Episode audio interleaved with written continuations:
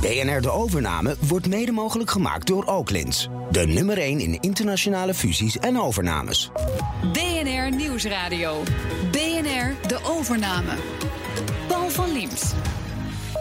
Dat een studie Egyptologie een solide basis is voor een notering in de quote 500 zou je verbazen. Toch bewijst Herman van der Velde dat het kan. Met de advertentietekst Jose, eens een farao, nu een reisbureau, begon de student het bedrijf. Dat is uitgegroeid tot een van de bekendste en succesvolste reisbureaus van Nederland.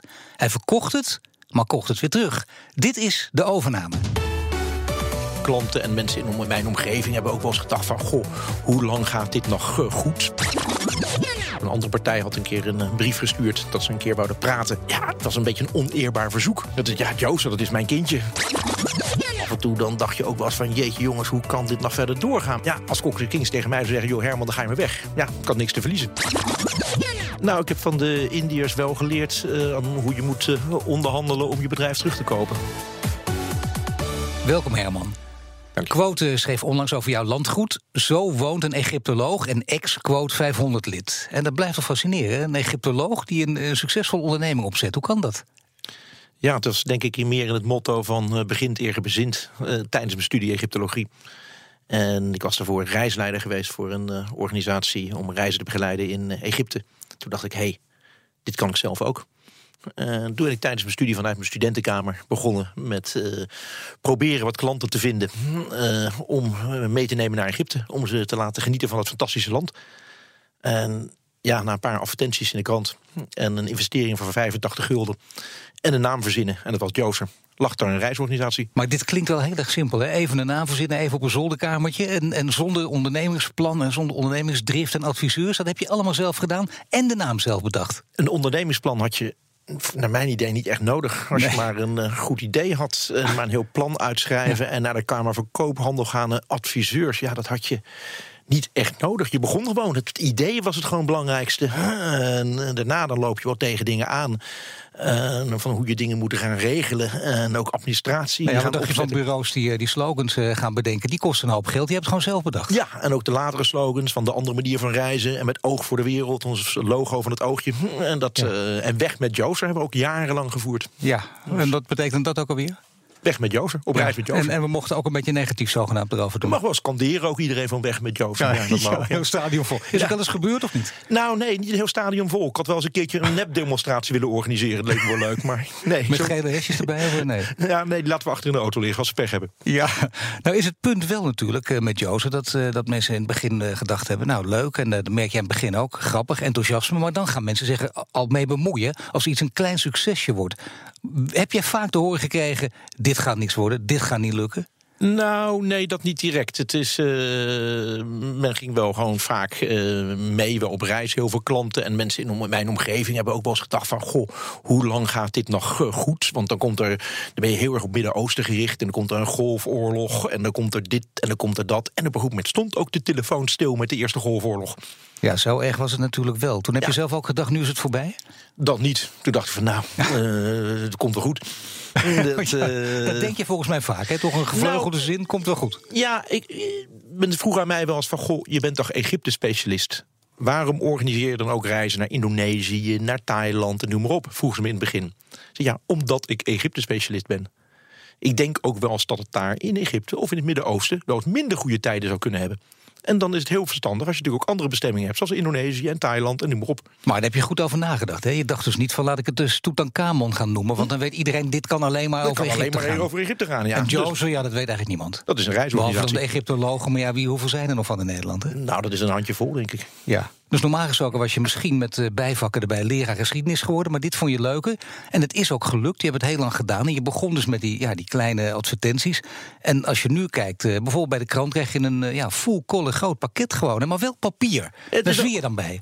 Ja, het is toch wel een stukje emotie wat je heel goed kan overbrengen in een brochure. De reis is een stuk sfeer ook en emotie. En ik denk een webs goede website is heel belangrijk, maar het heeft ook alweer zijn beperkingen. En ik denk de combinatie van een website met heel veel informatie en leuke video's, noem maar op. En een mooie brochure als reisinspiratie om lekker thuis doorheen te bladeren. Die combinatie, dat is uh, fantastisch. Denk ik. Tegenwoordig gaan er heel veel landen in. In het begin kon je dat echt waarmaken. Hè? Van ik ben enthousiast over een land en dan ga ik het ook in de aanbieding doen. Je was overal geweest.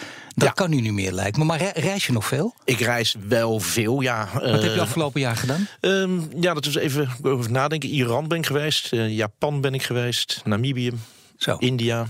Um, Soudaan, Egypte, Verenigde Staten. Um, en nog andere die ik niet vergeet, nu vergeet op te noemen. Nog een paar.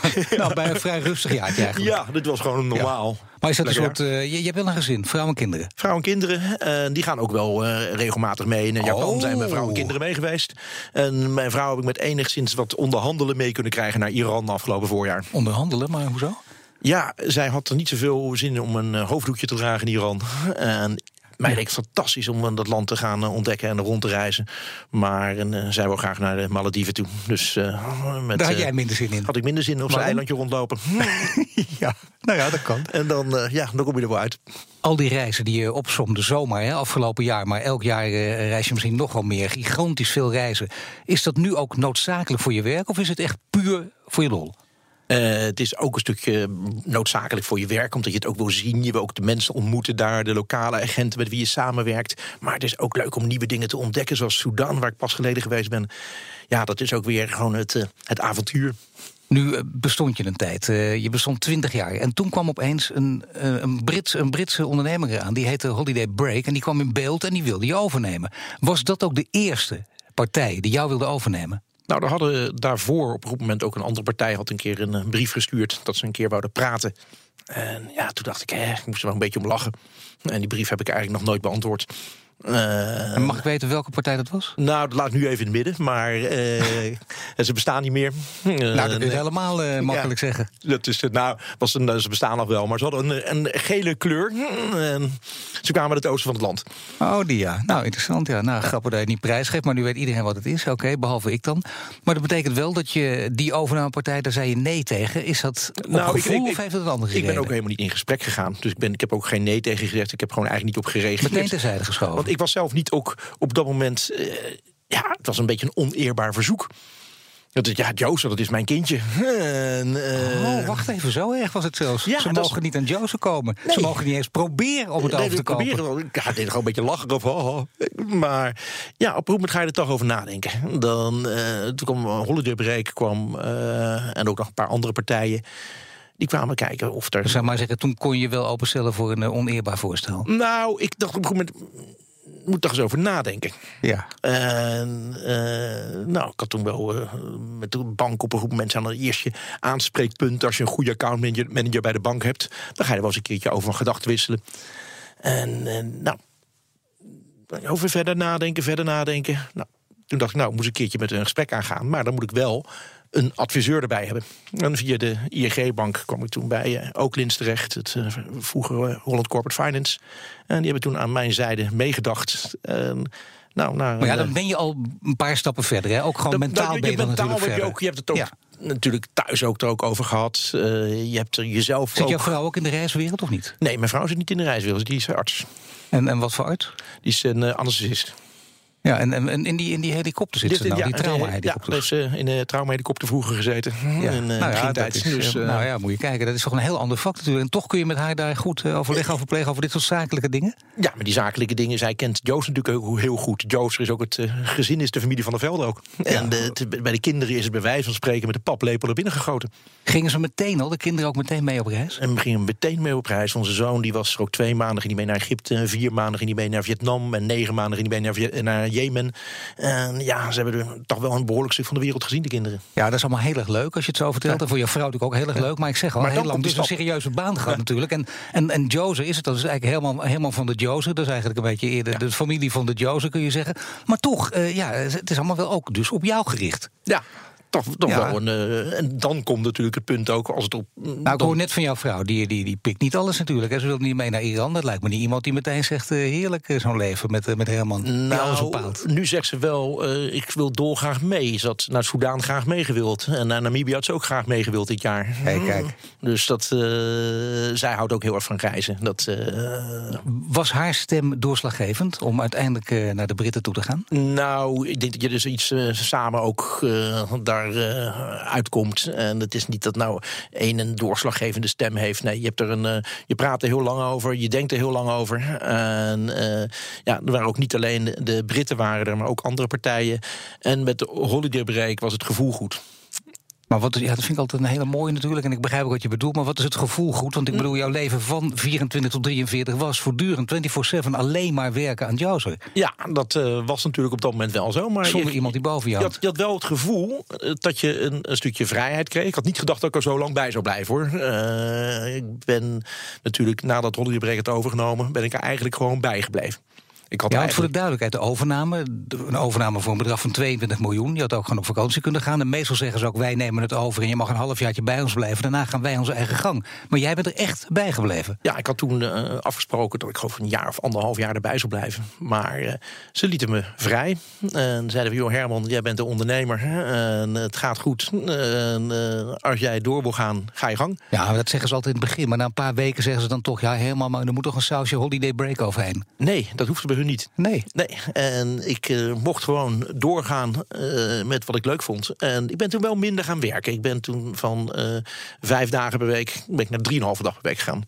Ja. Woensdagmiddag vrij. Toen was het ideeënnacht, dan zijn de kinderen ook van school vrij. Ja. En vrijdag had ik altijd vrij. En wat was de reden? Gewoon echt letterlijk de kinderen naar school kunnen brengen? Of nou, naar school kunnen halen? Of school kunnen halen, gewoon vrij hebben. Maar, uh, maar wat, doet, wat, doet iemand die zo gek op zijn werk is? Want ik bedoel, voor jou, je zegt het al, het gezin staat in het teken... of stond in het teken van Jozef, eigenlijk nu nog. En dan opeens niet meer, of iets minder.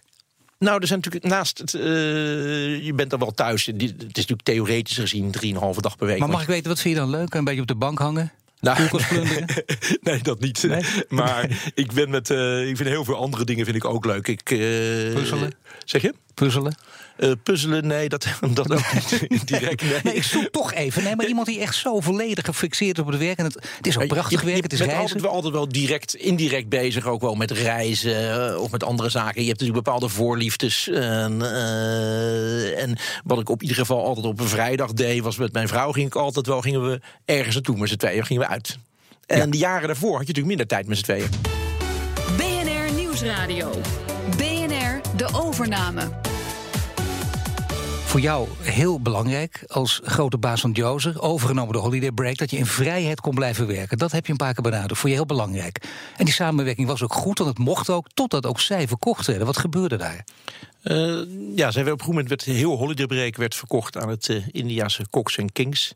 En ja, met uh, Holiday Break was de samenwerking was, was goed. En ook een stuk gezelligheid. de ene keer hadden we onze meetings in Nederland, dan in Engeland, dan in Duitsland. Dat was een goede samenwerking.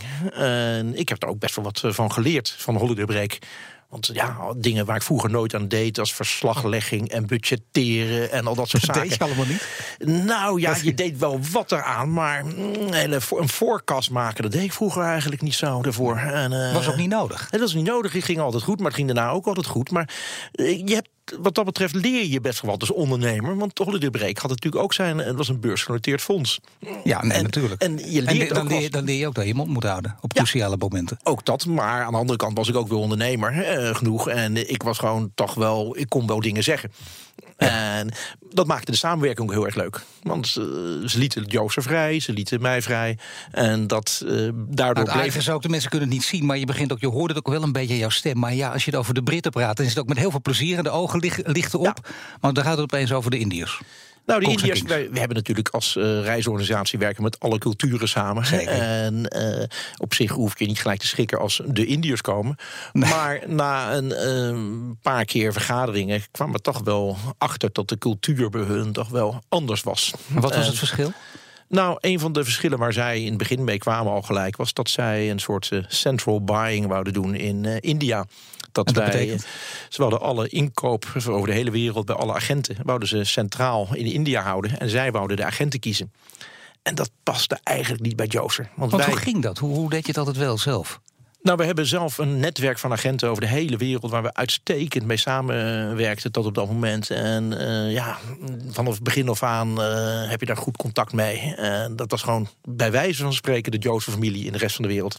Maar door jezelf ook uitgekozen en aangesteld. Dat scheelt ja, natuurlijk ook. Heel veel wel, ja. En je kwam ze ook vaak tegen, Je deze ook vaak tegen. Ze komen regelmatig naar Nederland toe. En je kwamen elkaar tegen ook op beurzen. En tijdens reizen van mij ging ik ook met hun, kwam ik bij hun langs op kantoor. Maar goed, een overnemende partij mag er anders over denken natuurlijk. En uh, je hebt ook daarmee ingestemd, althans Holiday Break. En, en jij, dat kon niet anders. Dat Tuurlijk. was de situatie Ja. toen. Maar je had niet verwacht dat het zo centralistisch zou, zou zijn? Ik had dat niet verwacht. En eh, ik had er zelf gewoon als Jooser, eh, als Herman van der Velde... en natuurlijk Joos als bedrijf, had er moeite mee.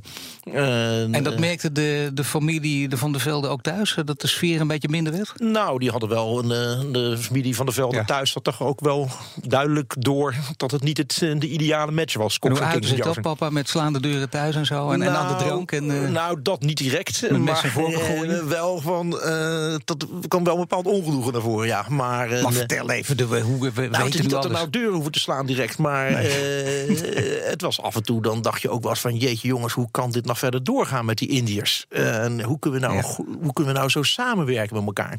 Nee, maar het is duidelijk. Als je jarenlang er plezier in had... en ze merken thuis ook dat er niks aan de hand Ja. is... dan is 1 en 1 2 Ja. en dan moet er iets gebeuren dus. Dan, dan moet er iets gebeuren. En die Indiërs merkten ook wel dat het toch ook... Cox Kik merkte ook dat het moeilijk was om met die Nederlanden daar... het enige bedrijf wat zij in Nederland op dat moment zo'n beetje hadden. Ja, vonden ze jou die lastige Nederlander? Of, of was het toch een mogelijkheid dat je nog tot elkaar toe kan komen? Of tot Nee, elkaar kan ze- komen? Je blijft natuurlijk een Nederlander en vaak toch een poldraar. Ja, ze vonden het toch wel lastig. En, Ja. eh, met de vergaderingen ook die er waren in eh, Engeland en ook hier in Nederland.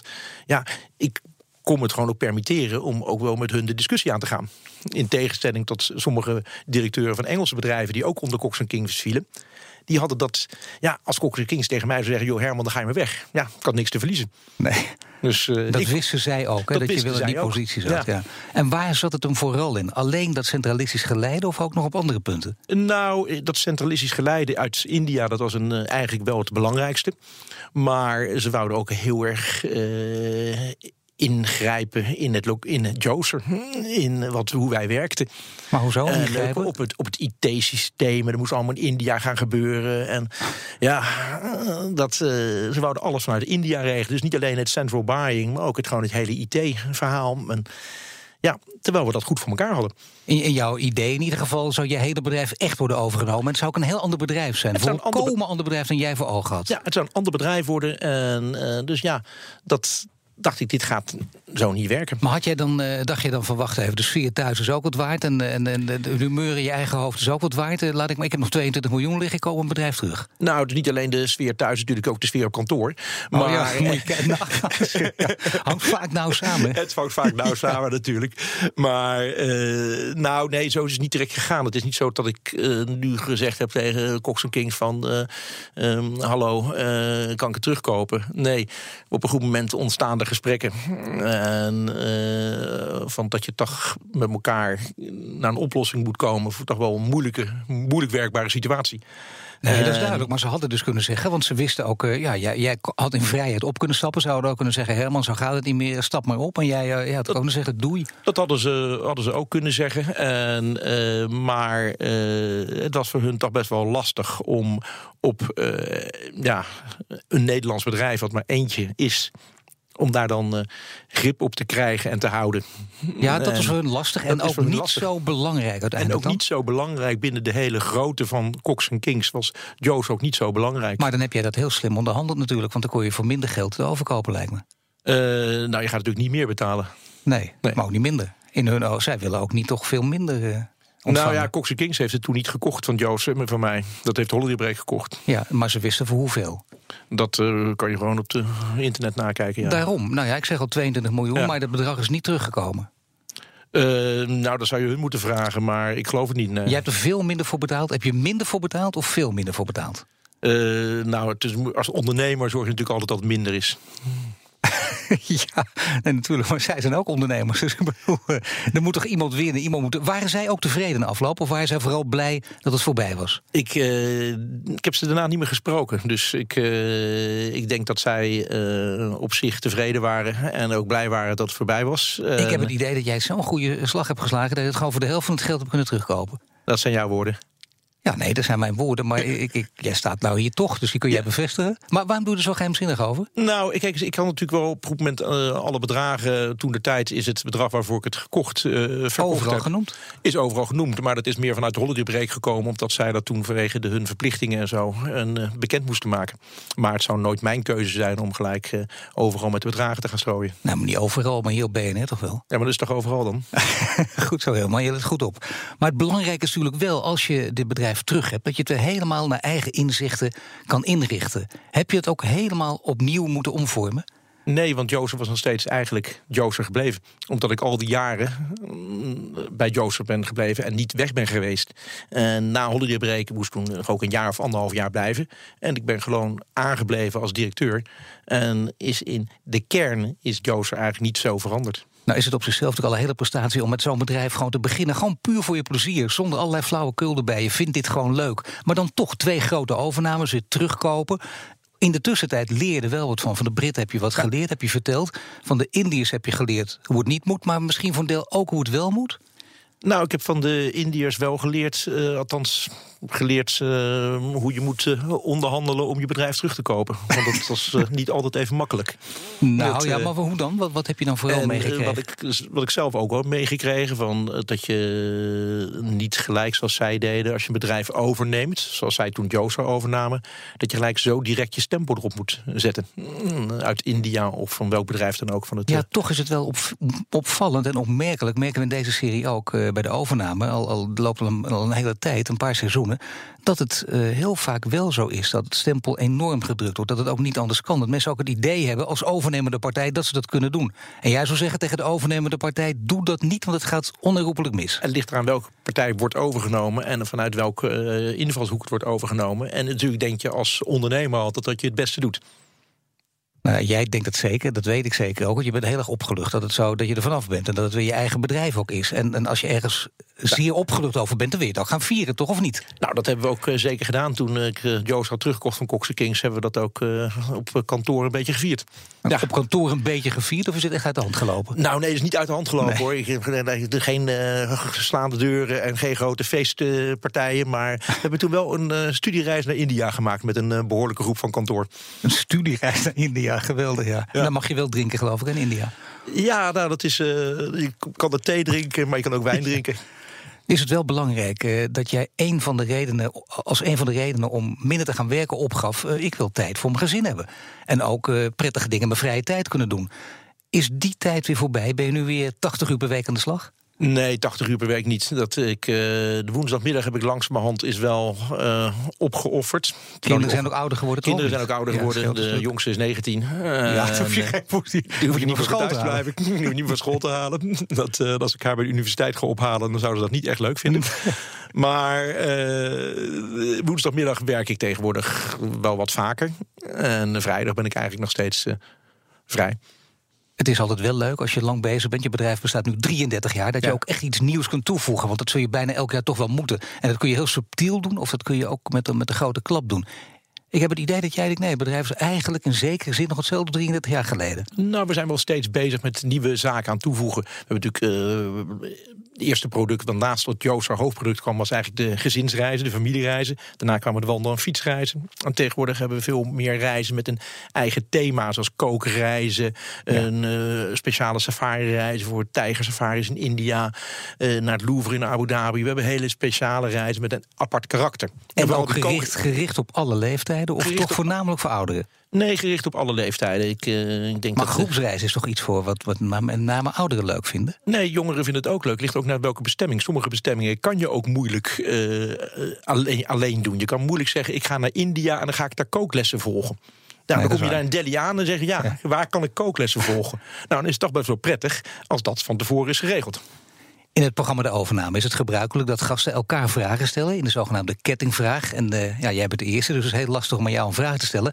Maar de vorige keer dat ik je sprak, dat is, ah, dat is helemaal niet zo lang geleden, 2013. En uh, toen zei je dit. En als u dan toch in Nederland een keer blijft, of misschien wel moet blijven, wat raadt u dan aan in Nederland? Of, of doet u dat nooit? Ik ben nog nooit op de Waddeneilanden geweest. En uh, ben je intussen al op de Waddeneilanden geweest? Ik ben er nog nooit geweest op de Waddeneilanden. Het schijnt heel mooi te zijn, maar ik ben er nog nooit geweest. Dus dat staat nog hoog op mijn bucketlist, zoals dat tegenwoordig heet. Over een week zit op jouw plek Helene van Bentum van Pocon Plantenvoeding. Het familiebedrijf waar zij CEO van was, is overgenomen door Evergreen Garden Care uit Engeland. Dat is het land met de mooiste tuinen. Welke vraag wil je aan haar stellen? Ja, het is natuurlijk uh, Pocon, dat is altijd plantenvoeding. Voor mij eigenlijk ook altijd, denk ik, voor de meeste mensen die een naam Pocon horen. En als je dan bij zo'n bedrijf als Pocon werkt, hoeveel voeding kan je bedrijf nog geven? Wat kan er nog uit bloeien? Wat kan er nog uit voortkomen? Zijn er andere producten die je naast Pocon kan ontwikkelen? Herman, ik dank je voor dit gesprek. En dit was de overname. De uitzending is terug te luisteren via bnr.nl/slash overname, de BNR-app of stream ons via iTunes of Spotify. Volgende week weer een overname en dan is dus de gast Helene van Bentum, CEO van Pocon Plantenvoeding. Ze zijn sinds deze zomer onderdeel van het Britse Evergreen Garden Care. BNR De Overname wordt mede mogelijk gemaakt door Oaklins. De nummer 1 in internationale fusies en overnames.